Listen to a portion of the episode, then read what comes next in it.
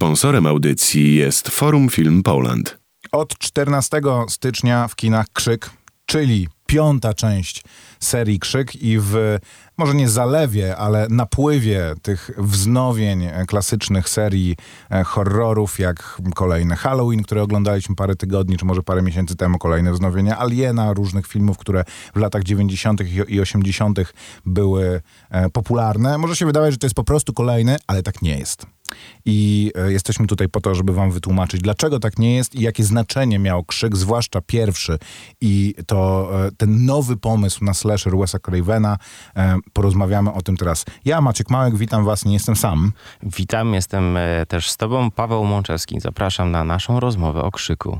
Tak, w 96 roku, kiedy premierę miał pierwszy krzyk, dawno temu, chociaż może się wydawać, że czasu minęło niewiele, um, najważniejsze jest to, żeby spojrzeć na to, w jakim stanie był horror. Bo horror to jest taki gatunek, który ma bardzo sinusoidalny rozwój. To znaczy, pojawia się jakiś nowy pomysł, jest rozwijany przez wszystkich, zostaje zarżnięty, po czym przychodzi jakiś taki moment przesilenia i potrzebny jest film, który mm, jakoś zrekontekstualizuje to, to, to zjawisko i nada horrorowi nowy e, kierunek. Takim filmem było na przykład Carrie, takim filmem było Blair Witch Project, o którym też będziemy pewnie dzisiaj wspominać, takim filmem było Lśnienie chociażby, które różne rzeczy pokazywały i takim filmem na pewno był Krzyk Wes'a. Zgadza się, Krzyk był wyjątkowy i nie miał łatwo tak naprawdę, ponieważ e, no, moment, w którym powstawał, to był moment, kiedy horror w Stanach Zjednoczonych był praktycznie martwy. E, zwłaszcza podgatunek horroru, jakim był jest slasher. Um, wszystkie bardzo znane swego czasu serie typu Koszmar z ulicy Wiązów, Piątek 13, Halloween już praktycznie jechały na spalinach. Nie za bardzo było tam e, dużo pomysłu, co można jeszcze pokazać, co można powiedzieć, w jaki sposób można obrócić tą historię, która tak naprawdę już była skończona dawno, dawno temu. I wtedy pojawił się, e, no, nie bójmy się użyć tego słowa, mistrz horroru Wes Craven, który, który pomyślał sobie, ok, w porządku, w takim razie co jeszcze możemy zrobić, żeby, żeby sprawić, by, by ci widzowie znowu byli, wiesz, zainteresowani horrorem i myślę, że Krzyk e, był strzałem w dziesiątkę. Mówiłeś, że e, umierał e, horror w Ameryce. On tak naprawdę umierał przede wszystkim w kinach. To znaczy slashery bardzo szybko zeszły do e, wypożyczalni. VHS, tak. tak, tak. I co więcej, w zasadzie sobie dobrze tam radziły. To znaczy nie kręcono by 11 części Halloween, gdyby one się nie sprzedawały i nie, nie wypożyczały w tych wypożyczalniach, ale gatunek horroru jako coś, co można obejrzeć w kinie i coś, co jest artystycznie, stylistycznie, kulturowo, jakby tak kreatywnie po prostu interesujące, zupełnie e, umarł. I rzeczywiście tym, co Wes Craven, mi się w ogóle wydaje, że um, jego doświadczenie przede wszystkim um, jako um, profesora, profesora nie w naszym rozumieniu, to znaczy kogoś po doktorze habilitowanym, tylko profesora, to znaczy kogoś zatrudnionego na uczelni w charakterze pracownika naukowego, było profesora literatury angielskiej, było istotne, ponieważ krzyk jest przede wszystkim wzięciem z pełną świadomością wszystkich tych wątków, które tworzą tworzą e, slashery, czyli ty wymienisz nawet, czy wymieniałeś mi nawet te trzy złote. Ja bym do tego dodał jeszcze to, że, e, że przede wszystkim taki, taki high school drama jest z dekoracjami, w którym w ogóle można e, osadzić horror, że jeżeli jesteś najładniejszą dziewczyną w drużynie, to najprawdopodobniej za chwilę idziesz pod kozik i że e, odmładzamy trochę po prostu tą, e, czynimy ją bardzo formulaiczną, ale jednocześnie odmładzamy trochę tą, e, trochę tą formułę. Tak, to prawda. Szczyptą geniuszu geniuszu Cravena w krzyku było to, że e, tak naprawdę pokazał widzom, hej, my wiemy, że wy wiecie. Wiemy, że oglądaliście te filmy. Wiemy, jakimi schematami e, mhm. kierowano się podczas tworzenia tych filmów i teraz będziemy wykorzystać te schematy i, i coś, co było słabością już w pewnym momencie mhm. tych poprzednich slasherów, stało się, stało się obecnie w tym momencie w tworzenia tego krzyku, bo stało się siłą. Między innymi dlatego właśnie można nazwać, że, że wiesz, że to krzyk jest świadomym siebie horrorem, jest, jest, jest metafikcją, metafilmem, gdzie dosłownie bohaterowie e, w trakcie filmu przedstawiają zasady, których należy się trzymać, e, jeżeli nagle znajdziesz się w horrorze. Czyli nie możesz... Tak, bo oni A. nie tylko mają świadomość tego, okay. ale zresztą te filmy, na których ta świadomość jest oparta, istnieją w tym uniwersum. To znaczy, film zaczyna się od tego, że Drew Barrymore chce obejrzeć, co to jest Halloween chyba właśnie? Coś takiego. Na pewno, na, na pewno Halloween się pojawia w, w Tak, krzyku. i te filmy, ta rzeczywistość, która doprowadziła do powstania krzyku, istnieje jednocześnie w krzyku. Dla mnie to jest wciąż, wiesz, pomimo upływu lat jest to super, że, Mhm. że nagle tworzy się jakaś taka bardzo fajna bariera pomiędzy krzykiem, który jest horrorem bazującym na horrorach, które są w świecie krzyku tylko i wyłącznie fikcją.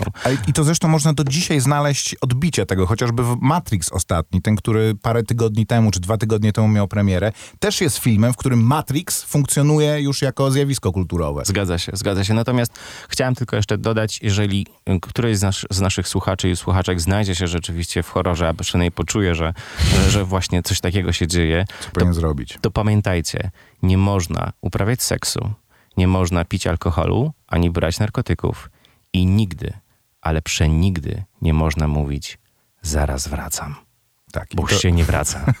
To, I to jest coś, czego e, mają świadomość e, bohaterowie i właśnie po tym, kiedy to się wydarzyło, kiedy powstał film, który e, był zaludniony bohaterami, którzy mieli tego świadomość i którzy e, odrzucali tą, m, tą formułę slashera, która powtarzała się wiele razy, e, to jakaś nowa jakość musiała powstać. Nie, nie mogło już być tak, da, tak dalej, jak było dotychczas. Mówiłeś, że później powstała fala slasherów, to prawda, e, no bo sukces krzyku no musiał jakoś zostać... Oczywiście, przyciąga uwagę. Tak, ale wydaje mi się, że ostatecznie tym, co zabiło, filmem, który zabił tą falę, było Blair Witch Project, czyli pierwszy horror doby internetowej, który przez swój, przez swój wpływ na kino trochę, mam wrażenie, przyćmiewa, e, jakby ludzie zapominają o krzyku przez to, że e, Blair Witch Project, Project zrobił tak dużo później, tak bardzo zmienił e, oblicze horroru. Ja bym dodał jeszcze do tego Blair Witch Project, który teraz podałeś, inny film, który moim, moim zdaniem też miał ogromne znaczenie w, w wymieraniu tradycyjnego, takiego w cudzysłowie, tradycyjnego slashera.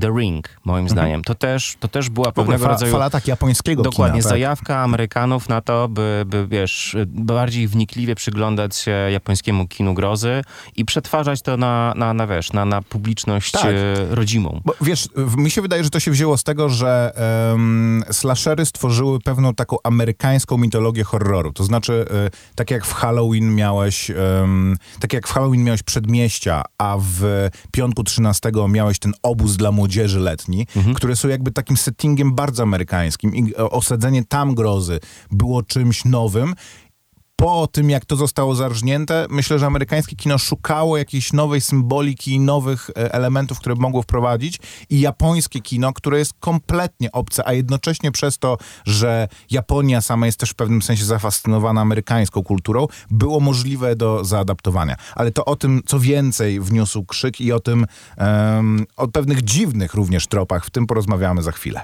Tu Campus. I wracamy w naszej rozmowie z, z moim kolegą Maciejem. E, gadamy sobie o tym, czy krzyk tak naprawdę po tylu latach ma jeszcze szansę resuscytować trochę gatunek slashera, ale zanim przejdziemy do, do odpowiedzi na to pytanie, chcielibyśmy się jeszcze na chwilę skoncentrować e, nad tym, co tak naprawdę sprawiło, jakie były elementy składowe e, pierwszego krzyku, że to tak miało duży wpływ na, na późniejsze, na późniejsze e, mainstreamowe kino. Maćku, powiedz mi proszę, co udało ci się wychwycić z tego filmu, co, co, co na przykład mogło mieć wpływ właśnie na, wiesz, na, na percepcję widza, percepcję producentów? Przede wszystkim, może nie przede wszystkim, ale jak się nad tym głębiej zastanawiałem, to to jest film też, który przez to, że z jednej strony jest kompetentnym slasherem, jest po prostu kompetentnym horrorem, w którym jest wystarczająco dużo napięcia, żeby cię utrzymać przy ekranie i ta menażeria postaci jest wystarczająco rozpoznawalna i stereotypowa, a jednocześnie zarysowana na tyle e, dokładnie, żeby była angażująca, a z drugiej strony łamanie tych tropów i wprowadzenie tego, tej takiej metanarracji em, ogólnej, gatunkowej sprawia, że jest to film atrakcyjny i dla typowego widza slasherów, który był pewnie nastolatkiem albo młodym, dorosłym gościem, który jakby, dla którego te filmy były stworzone. Znaczy jest trochę na gości, trochę imprezowania, a poza tym rąbanka. Ale także bardziej wyrobiony widz, taki, który będzie w stanie rozpoznać jakieś właśnie takie gatunkowe rzeczy i mrugnięcia okiem do, do, do widza, będzie również coś w tym filmie dla siebie znajdzie, będzie się również do, do, do, dobrze bawił. A poza tym to jest po prostu film, ja go oglądałem właśnie parę dni e, teraz przed naszą rozmową.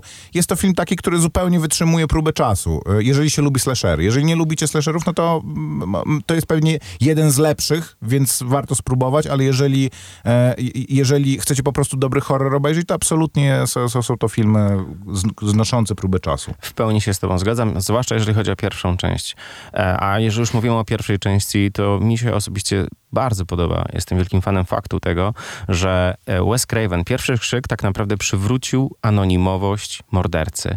Że z jednej strony mamy tą kultową maskę bazującą na e, obrazie Munka, krzyk, e, i, i ta maska, ten, ten wizerunek mordercy stał się ikoniczny z czasem, co nie zmienia postaci rzeczy, że w przeciwieństwie do e, Halloween, do, do e, Jasona z piątku 13, gdzie dokładnie wiedzieliśmy, kim czy jest morderca. Tak. Czy, czy Frediego, który tak naprawdę był po prostu, wiesz, też, też był nam znany, wiedzieliśmy, kim on jest, jaki on jest. To tutaj za maską mógł się znaleźć każdy. I do samego końca w tym suspensie zastanawialiśmy się, kto jest mordercą, kto ma największe e, potrzeby do tego, by, by, wiesz, dokonać jakiejś zemsty, albo kto ma jakieś, wiesz, jakieś, jakieś mordercze instynkty w sobie. To zresztą jest pewna łączność z psychozą. Ja przynajmniej to tak postrzegam, o której wspominałeś, bo e, psychoza też tak naprawdę jest o jakiejś tajemnicy z przeszłości, która sprawia, że człowiek zaczyna zabijać, że decyduje się na to, żeby zostać mordercą.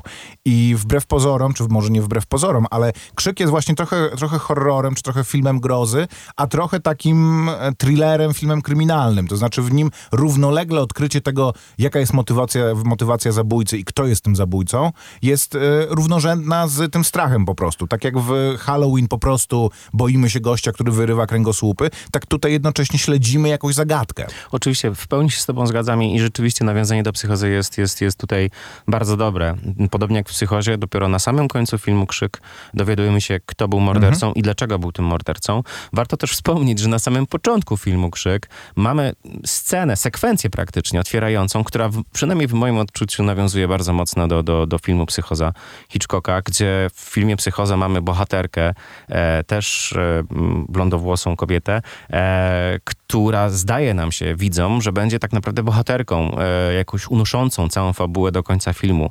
Kiedy tak naprawdę, spoiler, okazuje się, że, że, mhm. że no, bohaterka, technicznie rzecz biorąc nie główna, umiera praktycznie na, no, nie wiem, w pierwszej połowie filmu, w pierwszym akcie. I tak samo jest w samym intro krzyku, gdzie, gdzie mamy Drew Barrymore, w tamtym momencie już dość rozpoznawalną. Tak, to ten aktorski element też w tym filmie jest ważny. I, i dzięki temu widzowie mogli okay, poczuć się w, w tym, tym kinie, że oha, w porządku, czyli tak naprawdę dokładnie nie wiemy, co się wydarzy. Tak, tak Każdy może tak. być ofiarą, nawet Drew Barrymore. To jest bardzo subtelne i bardzo się udało. I Wes Craven takie rzeczy umiał robić i rzeczywiście e, nawet w kinie takim gatunkowym, które było, które, które było postrzegane jako no, kino, które nie ma pchać jakoś e, formy do, do przodu, to są bardzo fajne e, pomysły. Rzeczywiście Drew Barrymore, e, Courtney Cox, która e, w, wkręciła się w obsady dlatego, bo chciała, bo zaczęła grać również w Przyjaciołach i chciała trochę swój wizerunek powiedzmy odprzyjaciołowić.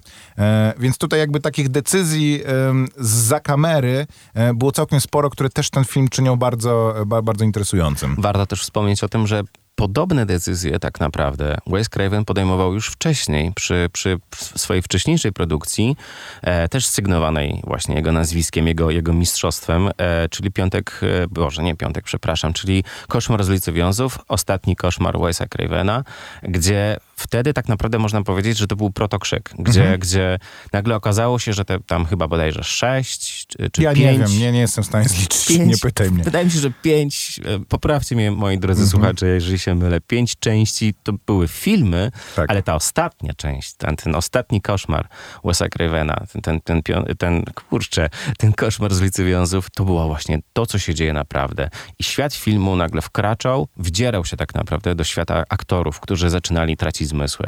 I wydaje mi się, że to właśnie, wiesz, to był ten początek, gdzie, gdzie gdzieś tam w głowie USA um, Zdecydowanie, to jest, wiesz, to w, w, ogóle, jeżeli się interesujesz, jeżeli się interesujesz kinem, to taki bardzo, e, bardzo ważnym krokiem jest właśnie to, że odkrywasz, że są powiązania między różnymi dziełami tych samych autorów, które e, są jakby takimi warsztatami nad tym, co oni robią później w jakimś dziele, które zostaje zapamiętane. Tutaj zresztą kolejna łączność z Blair Witch Project, ponieważ to samo próbowali zrobić twórcy Blair Witch Project 2, to znaczy w drugiej części druga część nie jest znowu o Wiedźmie z Blair, tylko jest o fanach pierwszej części, którzy postanawiają odkryć tajemnicę i ruszają. I która ta, ta część była bardzo źle oceniana, ale oni próbowali właśnie zrobić coś podobnego, zrobić coś o zjawisku, fenomenie, wyjąć jakby to z, z tego e, filmowego e, świata i jakoś w nowym świetle przedstawić. Więc to jest bardzo interesujące. Kończąc w takim razie, zanim e, polecimy wam część nową, e, kończąc chciałem wspomnieć o jeszcze jednej rzeczy, która mam wrażenie, że jest bardzo ważna, a która może być nawet w dużej części